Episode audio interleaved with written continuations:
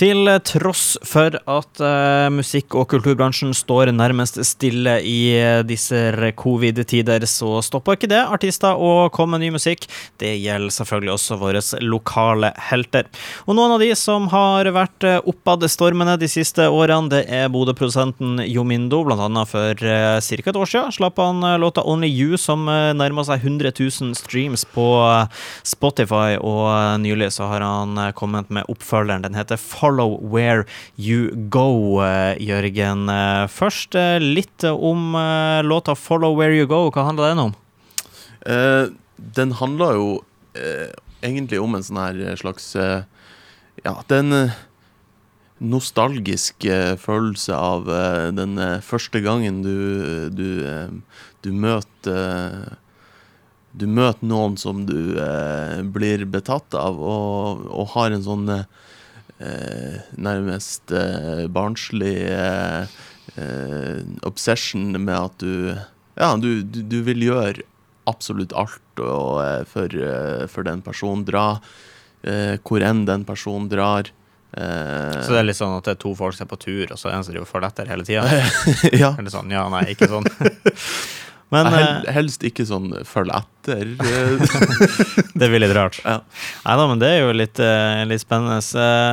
Det, som jeg snakka om eh, innledningsvis her, det er ikke mye som skjer i, uh, i, musikk- og kulturbransjen om dagen. Du gikk jo fra å spille på Opptur tre år på rad, du spilte på Gatefestivalen to år på rad, og toppa alt det her også med å spille foran et uh, dansende publikum på uh, Nord-Norges største festival, Parkenfestivalen, også. Stemmer. Og du har liksom gått ifra det til å nå da ja, spille for for studioet ditt, rett og slett. Eh, hvordan har det vært å, hvordan har det vært å finne motivasjon til å skal lage ny musikk i tid som denne, når man ikke har de festivalene og konsertene å glede seg til? Um, det har jo eh, så klart uh, ført til litt forandring.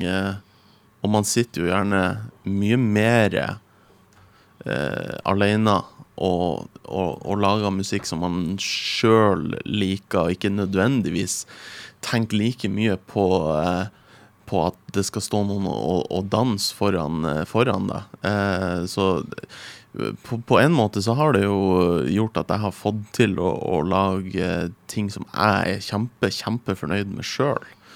Eh, på den andre sida så er jo eh, det vel så stor eh, av en lidenskap å stå og spille musikk foran folk.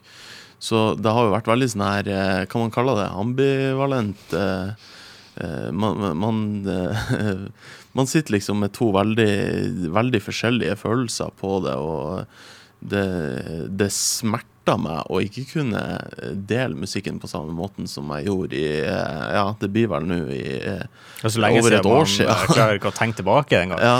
Nei, man må, altså man må rett og slett omstille seg litt for å tenke at man skal spille ut musikken sin til et dansende publikum til at man rett og slett bare må tenke at de står hjemme i stua og danser, eller sitter i bilen sin og synger med? Ja, det, altså Det har jo kanskje fått en mer sånn uh, tilnærming til det, at det, det blir mer popmusikk enn kanskje den her elektroniske dansemusikken, da.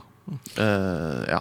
Du fikk jo en ganske stor bekreftelse på at det var mange som dansa til Only You, med tanke på at den ble brukt til en, eh, et konsept av Bodø danser i fjor, som var en sånn koronagreier der man skulle samle Bodø, og så, så, var det den låta som ble brukt, og så skulle hele Bodø sende inn at de dansa til den, så det må jo vel ha vært eh, litt artig? Det var jo eh, det var ekstremt artig. Det var, det var en sånn eh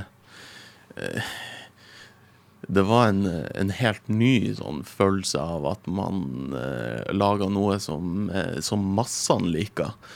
For eh, når, når, du ser liksom både eh, små unger og eh, ganske godt voksne folk eh, står og danser til en sang som man har laga, så er jo det Det betyr jo at man har truffet ganske bredt, da.